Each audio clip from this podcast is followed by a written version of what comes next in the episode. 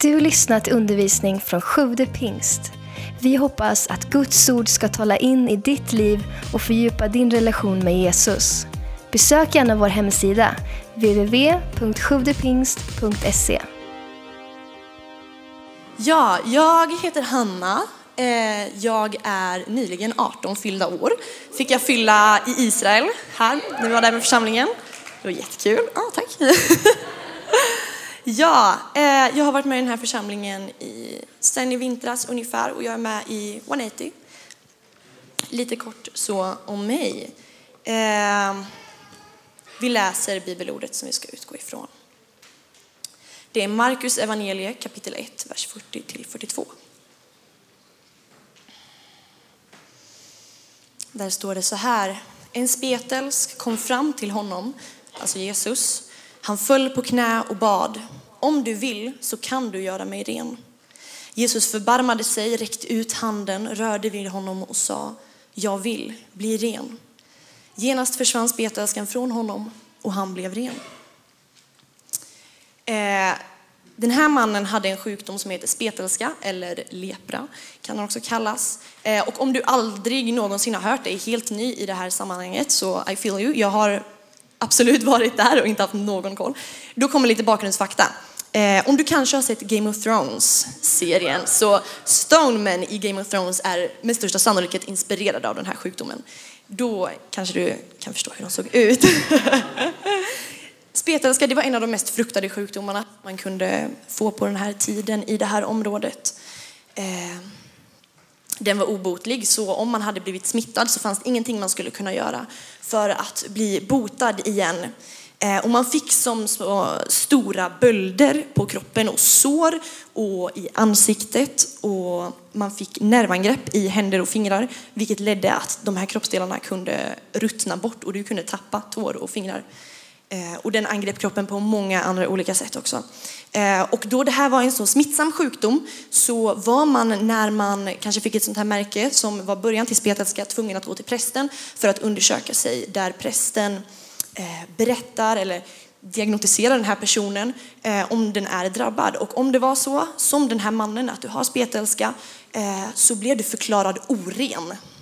Du fick inte längre vara bland människor, så från den dagen var du tvungen att flytta ut ifrån samhället, flytta ifrån din eventuella familj, fru och barn eh, utanför staden för att leva ensam eller tillsammans med andra drabbade.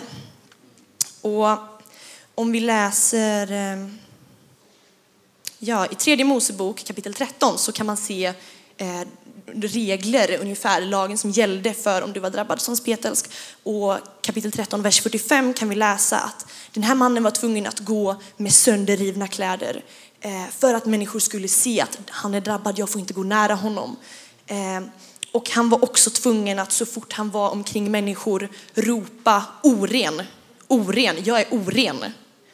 Det här var en fruktansvärd sjukdom.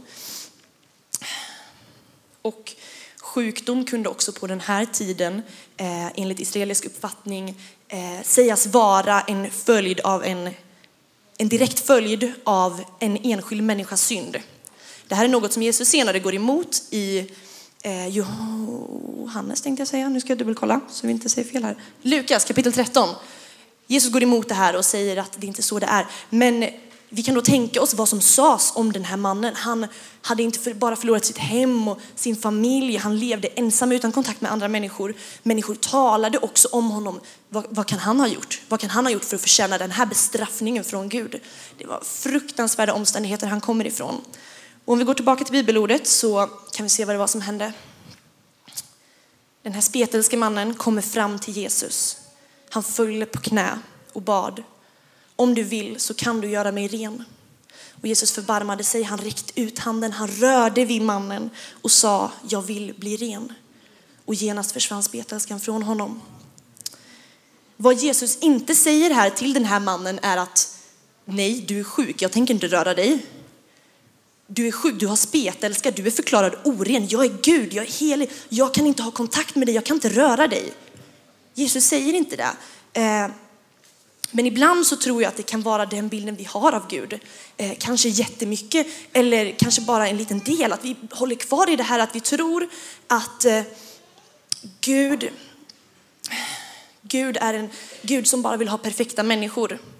Och vi tänker att jag kan inte gå till kyrkan för där är alla så duktiga, där är alla perfekta, där mår alla så bra, där har alla allting under kontroll. Eller när vi möter prövningar, svårigheter, vi eh, jobbar med olika tankar, eh, så tänker vi att Gud, eh, att vi måste fixa det själva innan vi kan gå till Gud. För Gud vill bara ha kontakt med perfekta människor, men Gud är inte en sån Gud. Jesus säger inte till den här mannen, vad gör du här? Jag vill inte ha kontakt med dig, jag vill inte röra dig. Och inte heller säger Gud att jag vill vara med dig trots det du är. Trots det är så. Gud vill vara med oss trots våra omständigheter, vad vi går igenom. Men Gud säger att jag vill vara med dig för den du är. Först och främst. Jag vill vara med dig för att jag älskar dig.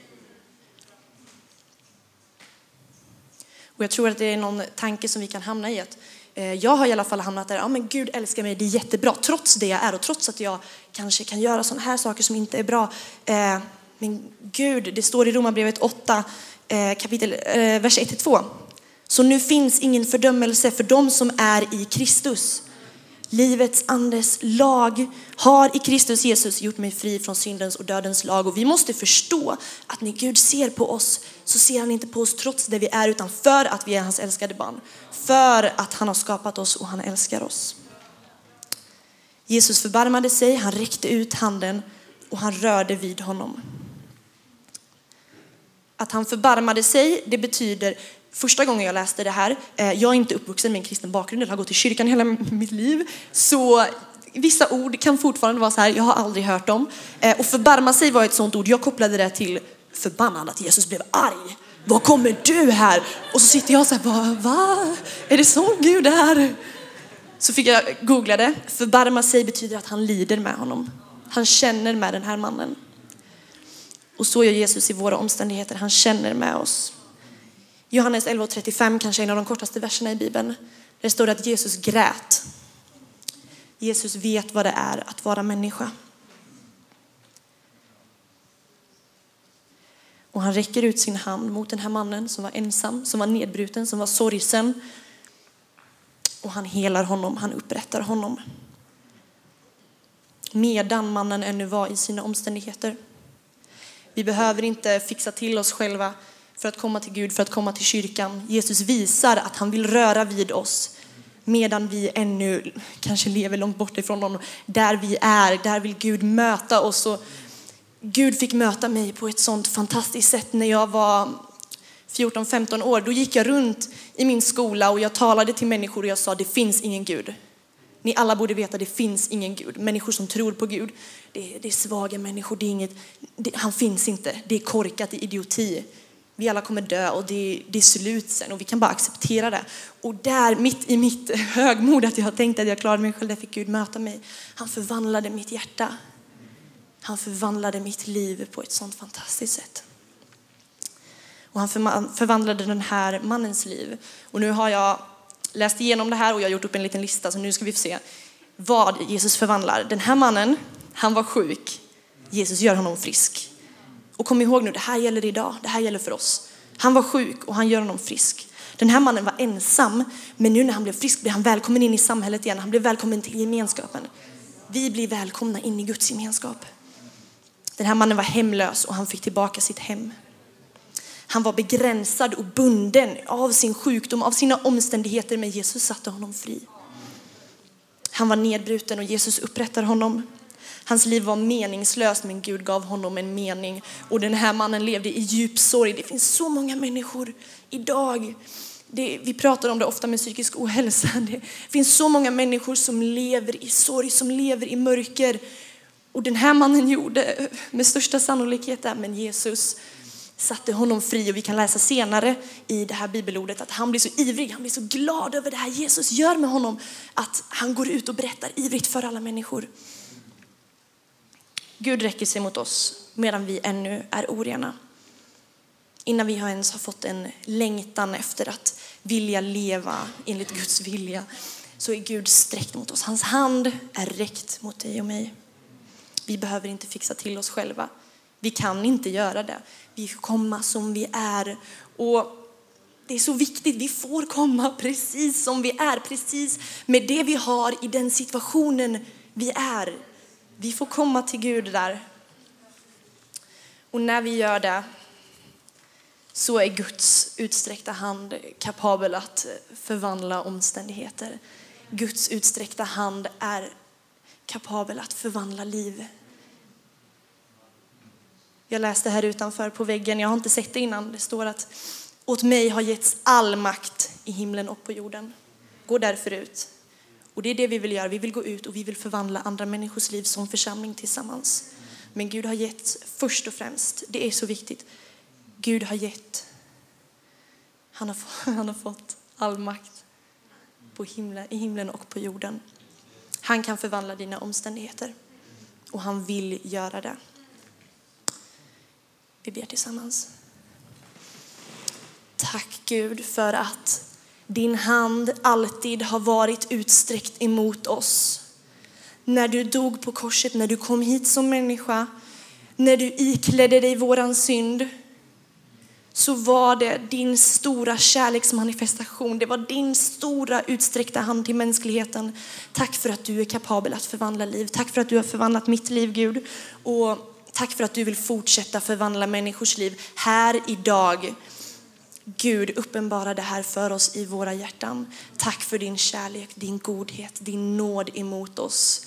Låt oss tillsammans som församling få ha en längtan om att få om att få sträcka oss mot dig, mot din utsträckta hand Gud och få möta dig precis som du är.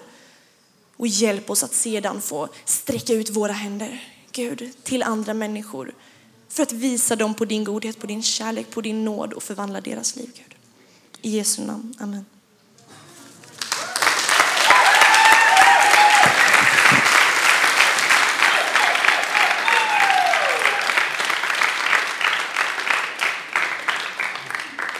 Tack Hanna, fantastiskt bra talat om att vi kan få se upprättelse i våra liv.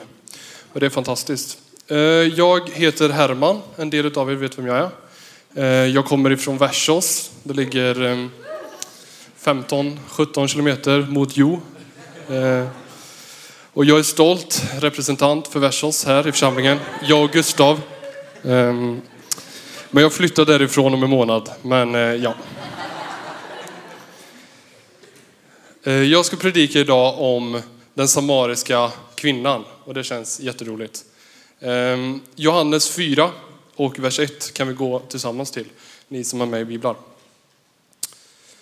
Det här mötet som den här kvinnan har med Jesus, det handlar om att eh, den här kvinnan kommer till en brunn och Jesus är där och att vi ser att Jesus möter med alla typer av människor. Och det kan ni ha med er när ni läser den här texten. Så vi börjar läsa i vers 1, kapitel 4 och vers 1. Då står det så här. När Jesus fick veta att fariseerna hade hört att han fick fler lärjungar och döpte fler än Johannes, även om det inte var Jesus själv som döpte, utan hans lärjungar, lämnade han Judeen och vände tillbaka mot Galileen. Han måste då ta vägen genom Samarien. Han kom till en samarisk stad som heter Sykar, nära den mark som Jakob gav till sin son Josef. Där fanns Jakobs brunn. Jesus som var trött efter vandringen satte sig där vid brunnen. Det var omkring sjätte timmen. Ehm, det du behöver få med dig av den här början är att Jesus gick ifrån Judeen till Galileen. Då är det ett område som heter Samarien som ligger mitt emellan de två områdena. Och Jesus gick rakt igenom. Han kunde ha gått runt, men han valde att gå rakt igenom. Plus att det står att det var omkring sjätte timmen och jag visste inte, jag har aldrig förstått vad, de, vad det betyder, men jag läste på Google att det betyder att klockan är tolv. Jag vet inte, de räknar på ett annat sätt. Klockan är tolv, solen är rakt upp och det är förmodligen väldigt varmt och Jesus kommer till den här brunnen för att han är trött. Och vi fortsätter att läsa i vers 7. Då står det så här. Då kom en samarisk kvinna för att hämta vatten. Jesus sa till henne, ge mig lite att dricka. Hans lärjungar hade gått bort till staden för att köpa mat. Den samariska kvinnan sa till honom, hur kan du som är jude be mig, en samarisk kvinna, om något att dricka? Judarna umgås nämligen inte med samarierna. Jesus svarade henne, om du kände till Guds gåva och vem det är som ber dig, ge mig lite att dricka. Då skulle du ha bett honom och han hade gett dig levande vatten. Hon sa, Herre, du har ingen kruka och brunnen är djup, så varifrån får du det levande vattnet? Är du större än vår far Jakob? Han gav oss brunnen och drack ur den själv, likaså hans söner och hans boskap. Jesus svarade henne, den som dricker av det här vattnet blir törstig igen. Men den som dricker av det vatten jag ger honom ska aldrig någonsin törsta. Det vatten jag ger blir en källa i honom med vatten som flödar fram till evigt liv. Kvinnan sa till honom, Herre, ge mig det vattnet så att jag slipper bli törstig och gå hit och hämta vatten. Bakgrunden till den här historien som jag var inne på lite var att Jesus går igenom Samarien. Judarna på den här tiden ansåg att samarierna var ett orent folk. Men, och vanligtvis så gick de runt Samarien bara för att inte komma i kontakt med samarierna. Men Jesus valde att gå igenom och möta med de här. Och jag har förstått att de var ovänner. För hon säger i texten att de umgås nämligen inte. Och då försökte jag tänka på hur mycket ovänner var de? Och så tänker jag på, tillbaka på när jag var liten. Ungefär som en Värsholsbo och en igelstorpare. Ungefär på det sättet var det. Så mycket ovänner var de. I alla fall så var det när jag var liten. Nu är det ju inte så längre. Men eh, när jag var liten så var de var liksom våra ärkerivaler. Det var liksom Igelstolparna, de, de är man inte med. Men eh, så är det i alla fall inte längre. Ehm, plus att Jesus pratade med den här kvinnan och man ansåg att kvinnor var bifigurer på den här tiden och att man kunde inte ha ett andligt samtal med en kvinna. Men Jesus väljer ändå att prata med den här kvinnan och erbjuda henne ett levande vatten. Men i vers 7 så kan vi läsa om att den här kvinnan kommer till den här brunnen där Jesus är. Och då Jesus frågar egentligen, skulle jag kunna få lite vatten av dig? Och då är hennes naturliga respons så här att varför vill du som är jude be mig, en samarisk kvinna, om något att dricka? Varför vill du dricka ur samma kruka som jag? Vill du också bli oren? För hon visste ju om att de ansåg att judarna var orena. För Jesus har ju ingen kruka, säger hon. Så Jesus säger ju egentligen, kan jag få dricka ur samma kruka? Och rent teoretiskt sett så hade han blivit oren enligt judarna. Men han, han gör det här. Men då så vänder Jesus det här och då står det i texten att om du hade känt till Guds gåva och vem det är som ber dig, då hade du egentligen frågat honom. Och då, det han egentligen säger är att jag är egentligen inte här för att få någonting utav dig. Jag är egentligen här för att ge dig någonting. Och det kan man läsa att Jesus gör. Och han har nämligen ett levande vatten som han pratar om. Och jag, läste, jag lyssnade på Martin Larssons predikan och då han säger om, om det här levande vattnet så säger han, är det här ett supervatten Jesus har? Är det här liksom något, något vatten som släcker all törst? Alltså fysiskt, men det är inte det vattnet han pratar om. Han pratar om ett annat levande vatten. Um, och nu blir den här jätte, kvinnan då, som um, Jesus pratar med jätteförvirrad och säger typ, Eh, här, har du, här, sitter du utan någon kruka, utan någonting att ta upp det här vattnet med. Så hur ska du kunna ge mig det här vattnet? Hur ska du kunna få upp det här vattnet du ger till mig? Men då säger Jesus, ja men det här vattnet som är i den här brunnen kommer göra dig törstig hela tiden. Men det vatten jag ger, det vatten jag har kommer göra så att du aldrig någonsin törstar. Och det står inte i texten här, men jag tror att den här kvinnan tänker så här att hur vet den här mannen Jesus att jag har en enorm törst i mitt liv? För den här kvinnan kan man läsa om i verserna efter om att Jesus säger efter det här att gå och hämta din man.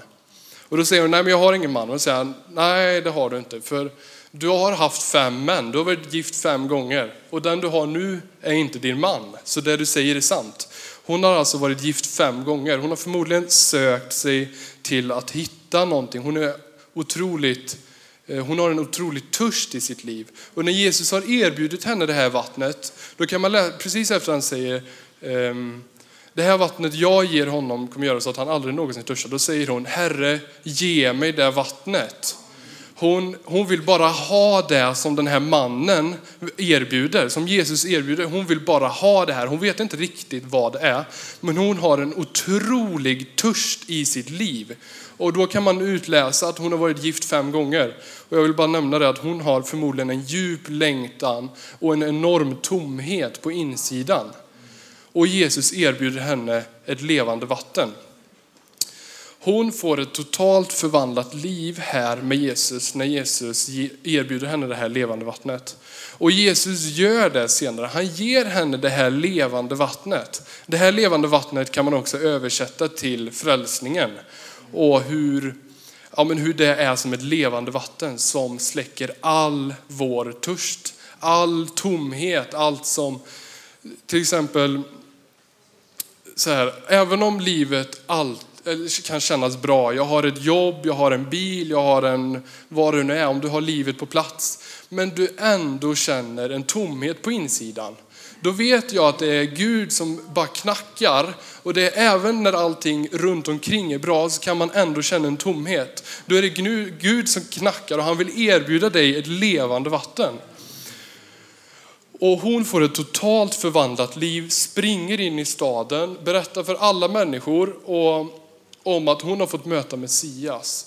Och Jesus släcker hennes törst. Det är helt fantastiskt hur hon äntligen fått sin törst släckt.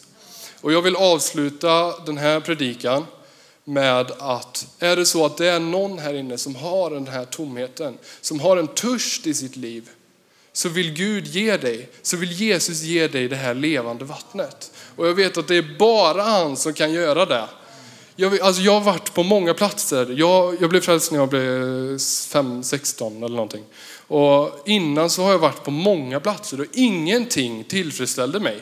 Ingenting på djupet hjälpte mig förrän Jesus gav mig det här levande vattnet.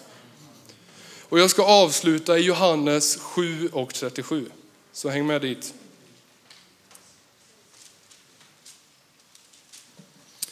Då står det, på den sista dagen, den största högtiden, den största i högtiden, stod Jesus och ropade. Jesus står och ropar ut någonting här nu. Då står det så här, om någon är törstig, kom till mig och drick. Den som tror på mig, som skriften säger, ur hans innersta ska strömmar av levande vatten flyta fram. Det enda kriteriet är att är du törstig så kom till Jesus och drick. Så han erbjuder oss ett levande vatten. Och jag vet att det är förmodligen någon här inne som kanske känner att livet är jobbigt just nu. Ni har en tomhet på insidan, men då vet jag att han erbjuder ett levande vatten. Och det är helt fantastiskt. Det kan jag lova. Eh, amen.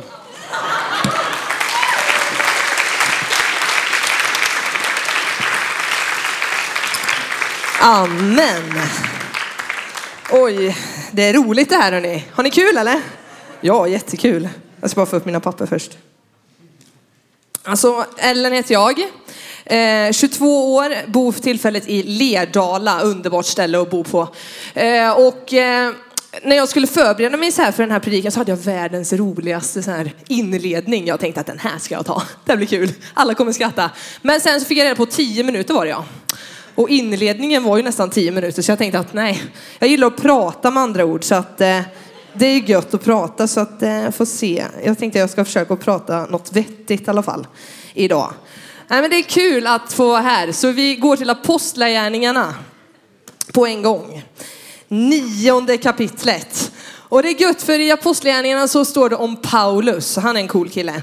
Eh, och vi ska prata om honom idag, hur han får ett förvandlat liv som får förvandla andra människors liv. Det är fantastiskt. Så vi går till Apostlagärningarna 9 och vers 1. Saulus, som fortfarande andades hot och modlust mot Herrens lärjungar, gick till översteprästen och bad att få med sig brev till synagogorna i Damaskus. Om han kunde finna några som tillhörde vägen, alltså Jesus, Män eller kvinnor skulle han få fängsla dem och föra dem till Jerusalem. Men när han på sin resa närmade i Damaskus så strålade plötsligt ett ljus från himlen omkring honom. Han föll till marken och hörde en röst som sa till honom Saul, Saul, varför förföljer du mig? Då frågade han, vem är du herre? Rösten svarade, jag är Jesus, den du förföljer. Men res dig och gå in till staden så ska du få veta vad du måste göra. Männen som reste med honom stod där förstummade. De hörde ljudet men såg ingen. Saulus reste sig upp från marken och när han öppnade sina ögon kunde han inte se. Då tog de honom i handen och ledde honom in i Damaskus. Under tre dagar såg han ingenting och han varken åt eller drack. I Damaskus fanns en lärjunge som hette Ananias. Till honom sa Herren i en syn, Ananias. Han svarade, här är jag Herre. Då sa Herren till honom, res dig och gå till Raka gatan och fråga i Judas hus efter en som heter Saulus från Tarsus, för han ber. I en syn har han sett hur en man som heter Ananias kommer in och lägger händerna på honom så att han kan se igen. Ananias svarade, Herre, jag har hört av många hur mycket ont den mannen har gjort mot dina heliga i Jerusalem. Och nu är han här med fullmakt ifrån översteprästerna att gripa alla som åkallar ditt namn. Men Herren sa till honom, gå, för han är mitt utvalda redskap för att bära fram mitt namn inför hedningar och kungar och Israels barn. Och jag ska själv visa honom hur mycket han måste lida för mitt namns skull. Då gick Ananias och när han kom in i huset la han händerna på honom och sa Saul min broder, Herren Jesus som visade sig för dig på vägen hit, han har sänt mig för att du ska kunna se igen och bli uppfylld av den helige ande. Och genast var det som fjäll föll från hans ögon. Han, gick till, han fick tillbaka sin syn, han reste sig upp och blev döpt. Det är så gött, han reste sig upp och blev döpt. Och sedan åt han och fick nya krafter. Det är gött. Saulus stannade några dagar hos lärjungarna i Damaskus och han började genast predika i synagogorna att Jesus är Guds son. Alla som hörde honom häpnade och sa, var det inte han som i Jerusalem ville utrota dem som åkallar det namnet? Och, han kom inte hit, och kom inte han hit för att gripa dem och föra dem till översteprästerna? Men Saulus fick allt större kraft och gjorde judarna i Damaskus svarslösa när han bevisade att Jesus är Messias. Wow. Okej, för att förstå den här texten, för att förstå att Paulus, eller Saulus som han också kallades, får ett förvandlat liv, så måste vi också veta lite, vem var den här killen? Paulus, han var en religiös kille. Han var en farisé, en skriftlärd. Han kunde lagen, han kunde vad det stod i den här boken. Han var en rättrogen jude. Och helt plötsligt så kommer ett enkelt budskap om Jesus som är Guds son. Och om du med din mun bekänner och ditt hjärta tror, då ska du bli frälst. Och Paulus han blir vansinnig när han hör det här. Det här är ju ett hot mot judarna, det är ett hot mot den judiska traditionen. Och därför så börjar han då att förfölja alla som tror att Jesus är Messias. Han hotade människor, han spred rädsla och han var till och med med och avrättade människor som bekände Jesus som Messias. Men sen händer det någonting. Jesus möter Paulus och han förvandlar Paulus liv steg för steg liksom, i ett enda möte. Och det är det som jag tänkte stanna upp vid idag, det här mötet som vi har läst om. Och jag tänker att vi tar ett steg i taget och ser liksom, vad säger det till oss? Och det jag tänker att Jesus gör det är att han förvandlar Paulus förflutna, hans nu men också hans framtid. Och det första steget då att Jesus förvandlar Paulus förflutna. Ni vet Paulus som vi förstår i texten, han var en av Jesus största motståndare. Paulus han var hängiven, han hade mycket kunskap och han var bestämd att utrota den kristna tron.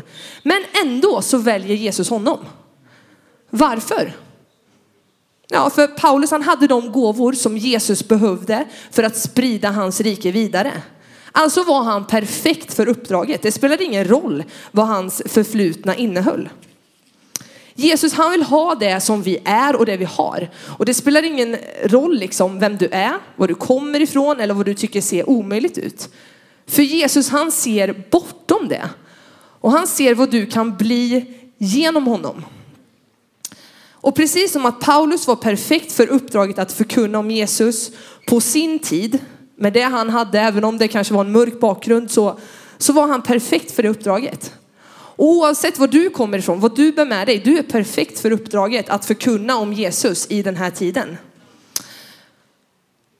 Steg två blir att Jesus han förvandlar Paulus nu. Jesus, Jesus möter Paulus där han är just nu, inte där han borde vara nu. Jesus möter Paulus i hans nu så att han kan vara med och förvandla hans sen. Och jag tror att Jesus vill förvandla våra liv när vi är stilla inför honom. Och han får prägla oss, han får forma oss efter hans verk och hans vilja. Och jag tror att Jesus han vill alltid tala till oss. Och han vill visa oss vart vi ska i livet. Frågan är, stannar vi upp? Tar vi tid liksom och, och vågar stanna upp? Jag är gärna en tjej på språng. Det är lite jobbigt att stå stilla här nu liksom. Jag gillar att vara på språng. Och Jesus har många gånger fått stanna mig, som med Paulus. Och jag tror att det, när vi är liksom, oavsett om vi stannar själva eller om vi blir stoppade, så vill Jesus förvandla ditt liv när du vågar stanna upp. När du låter han tala till dig, när du låter han forma dig. Precis som han gjorde med Paulus när han i de här tre dagarna fick stanna och bara, han såg ingenting så han kunde inte göra så mycket annat än att bara stanna upp, be och lyssna. Vad säger Jesus till mig? Han förvandlar hans förflutna, hans nu, men han förvandlar också hans framtid. Låt aldrig ditt förflutna begränsa din framtid. Alltså Gud handskas inte vårdslöst med vår tid. Han använder våra erfarenheter från igår, vår situation idag, för att vi ska kunna tjäna honom på bästa sätt i morgon och resten av våra liv. Men det stannar inte bara vid oss. När Paulus vågade lyda och följa Jesus så fick Jesus skina så starkt igenom honom att alla som han mötte tog emot Jesus för de såg Jesus genom Paulus. Och där Jesus hade varit genom Paulus så lämnades folk förlåtna istället för fördömda. De, de lämnades överlåtna istället för övergivna och förvandlade istället för förtvivlade. Paulus förvandlade liv fick förvandla de människor som han mötte under hela hans liv efter mötet med Jesus. Och jag tror att Jesus vill förvandla våra liv, såklart för att vi ska få en, en helt ny bild av vilka vi är och vad vi har i Jesus. Men också för att det ska få synas för andra människor så att de också kan bli förvandlade när de ser att våra liv har blivit förvandlade. Ni vet Jesus, det står i Bibeln att Jesus är liv och inte bara liv utan liv i överflöd. Och det är det jag tror Jesus vill ge till oss eh, så att vi kan få ge vidare det till andra när vi möter andra människor. Paulus blev förvandlad och gick ifrån ett liv i hat och mordlystenhet till ett liv fullt av kärlek och hängivenhet. Hur gick det till egentligen? Jo, för att Jesus mötte honom där han var där och då. Eh, även om Paulus hade vänt honom ryggen och förnekat honom så kom Jesus med sin nåd och visade hans ljus i Paulus mörker. Det står i Bibeln att ljuset lyser i mörkret och mörkret har inte övervunnit det. Och Paulus liv tycker jag visar på att oavsett hur mörkt kanske våra liv har varit, kanske är eller kanske kommer bli, så vill Jesus möta dig i just det och skina där med sitt ljus. Han vill förvandla mörker till ljus i ditt liv. Eh, och när Jesus förvandlade Paulus liv så gick han ifrån att vara en av liksom Jesus största förföljare liksom, till att bli en av de mest hängiva, hängivna efterföljarna utav Jesus. Och han fick inse att okej, okay, Jesus vill använda mitt förflutna. Allt som jag bär med mig det får jag liksom använda för att andra människor också ska få den här förvandlingen som jag har fått uppleva. Det är fantastiskt. Han vill använda er. Vi bara ber tillsammans. Tack Jesus för att du vill använda oss med det vi har, Herre. Tack Jesus för att du vill upprätta. Tack Jesus för att du har någonting nytt för var och en av oss, Herre. Tack Jesus för att vi kan få sträcka oss fram och bara veta att du vill förvandla våran, våran, det som har varit, det som är nu och det som kommer Herre. Det vill du förvandla så att vi kan få förvandla andra människor när vi möter dem. Tack Jesus för att du vill skina tydligt igenom oss. Tack Jesus för att du har valt att använda oss var och en Herre. Jag tackar dig för det Jesus. Amen.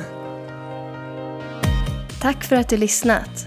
Glöm inte att du alltid är välkommen till vår kyrka. Du hittar mer info på www.sjuvdepingst.se